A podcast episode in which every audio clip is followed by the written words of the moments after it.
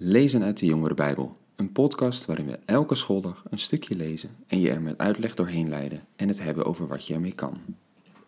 Hallo leuke podcastluisteraars. Tof dat je weer luistert naar een nieuwe aflevering. Deze week zijn we dus bezig met de mooie verhalen van David. Maar vandaag ja, wil ik even een uitstapje nemen. We hebben al in eerdere dagen gelezen over hoe David ook een muzikant was. En eh, op de een soort harp, de lier speelde, als David, als Saul werd gekweld door een boze geest.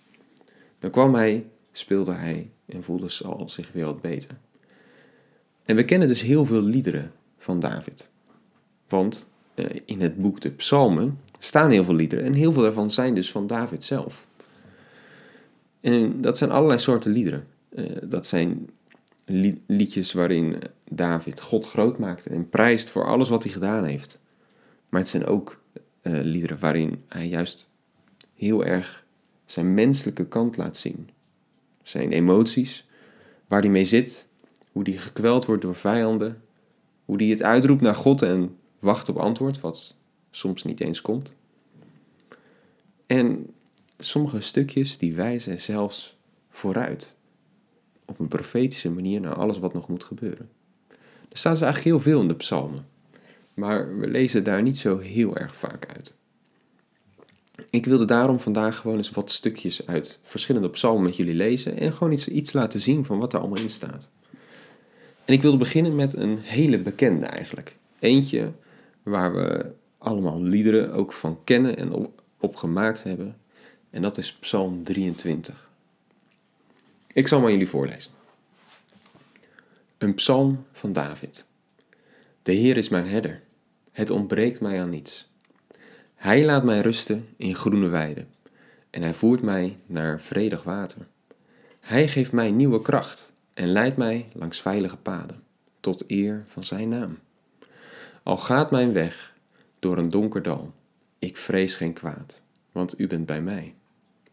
Uw stok en uw staf zij geven mij moed. U nodigt mij aan tafel voor het oog van de vijand. U zalft mijn hoofd met olie. Mijn beker vloeit over. Geluk en genade volgen mij. Alle dagen van mijn leven.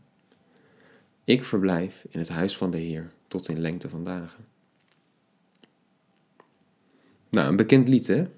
Ik denk wel dat jullie ook hier een een lied kennen, wat we misschien wel eens zingen, wat hiervan afgeleid is.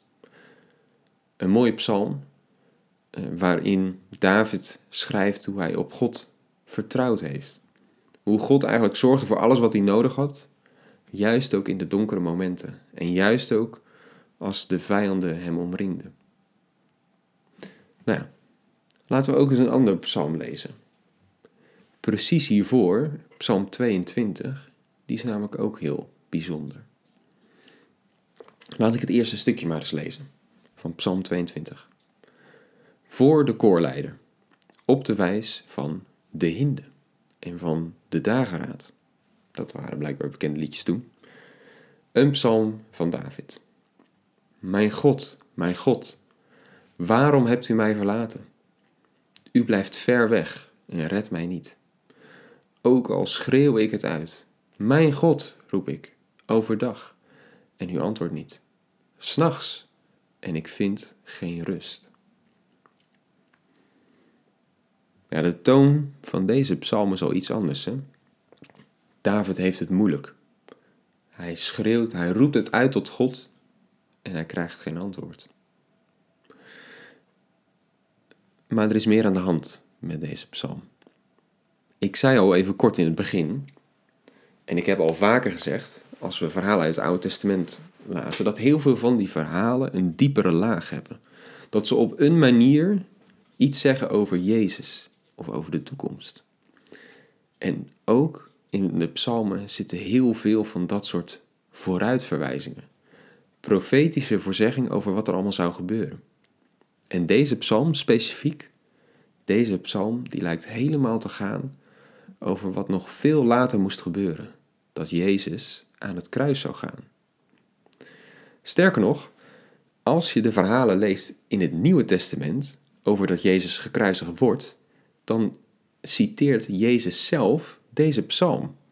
Want we lezen namelijk in de Evangelie dat hij midden op het moment dat hij gekruisigd wordt, op een gegeven moment ineens uitroept: Mijn God, mijn God, waarom hebt u mij verlaten? En dat is precies hoe deze psalm begint. En als je verder leest in deze psalm, dan zie je bijna alles voorbij komen wat wij kennen uit dat verhaal van Jezus. Als je verder leest in deze psalm, dan lees je over mensen die daarbij stonden, hun hoofd schudden en hem bespotten.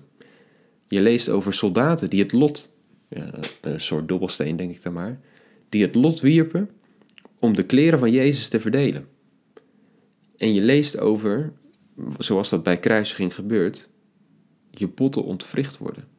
Hoe je uitdroogt als je daar zo hangt en dorst krijgt. En al die dingen, al die details, stuk voor stuk, die kennen we uit het verhaal van wat we in de Evangelie lezen. En die komen allemaal in deze psalm voor.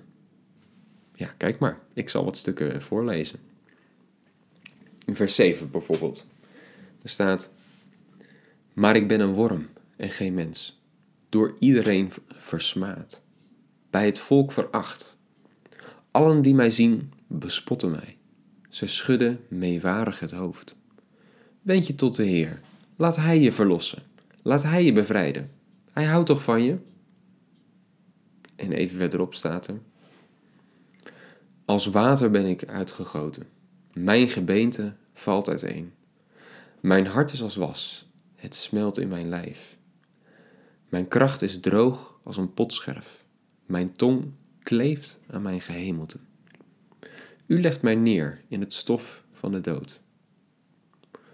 Honden, en dat waren in de tijd van Jezus vaak de naam voor niet-Joden, zoals de Romeinen die bij het kruis stonden. Honden staan om mij heen. Een woeste bende sluit mij in. Zij hebben mijn handen en voeten gebonden.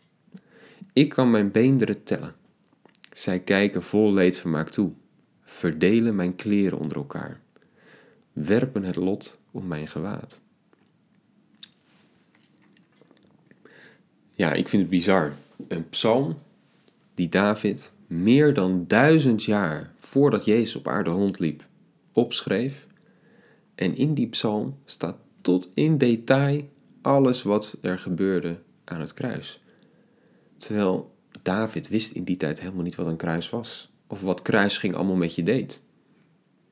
Nou, bizar. En voor mij ook een van de bewijzen dat de Bijbel dus wel echt betrouwbaar is. Omdat hij dus al zo lang van tevoren zo precies vertelt wat er gaat gebeuren. Ja, dat soort dingen staan er dus in de psalmen. Uh, maar er zijn ook andere psalmen die bijna een soort gebeden zijn. Uh, psalmen waar heel eerlijk en heel menselijk uh, de schrijver zich tot God wendt. God vraagt om hulp, vragen stelt, die op God probeert te bouwen, daar zijn hoop vandaan haalt. Nou, een voorbeeld daarvan is Psalm 143 en daar wilde ik nog één stukje uit lezen. Vanaf vers 7 staat daar: Heer, geef mij antwoord. Haast u, mijn kracht is uitgeput. Houd u niet voor mij verborgen, of ik word als wie afdaalt in het graf. Laat mij in de morgen uw liefde horen. In u stel ik mijn vertrouwen. Wijs mij de weg die ik moet gaan. Mijn ziel verlangt naar u. Verlos mij van mijn vijanden, Heer. Bij u zoek ik bescherming. Leer mij uw wil te volbrengen. U bent mijn God. Laat uw goede geest mij leiden over geëffende grond. Ja, zomaar wat stukjes uit de psalmen dus. Allemaal mooie liederen die we best wel eens wat vaker misschien mogen lezen. Liederen van mensen zoals jij en ik, die worstelen met alles wat we kunnen tegenkomen. Die God danken voor het mooie in het leven en alles wat hij geeft. En dus ook psalmen waarin de schrijver het echt uitroept naar God. In de, midden in zijn wanhoop en frustratie zit. En nou ja, zich er niet voor schaamt om dat uit te spreken. En dat is misschien wel gewoon mooi. Als dat je ook ziet dat je op zo'n manier je tot God mag wenden. In, ook als je in je wanhoop en frustratie zit. Zeker de moeite waard dus, die psalmen, om af en toe eens even naar te kijken. En helemaal als je ziet dat er in zo'n psalm zo'n diepere laag zit. Zo'n vooruitwijzing. Mooie liederen. Neem die stukjes maar eens mee vandaag. En morgen gaan we het laatste stukje uh, wat we van het verhaal van David gaan lezen met elkaar behandelen. Tot dan.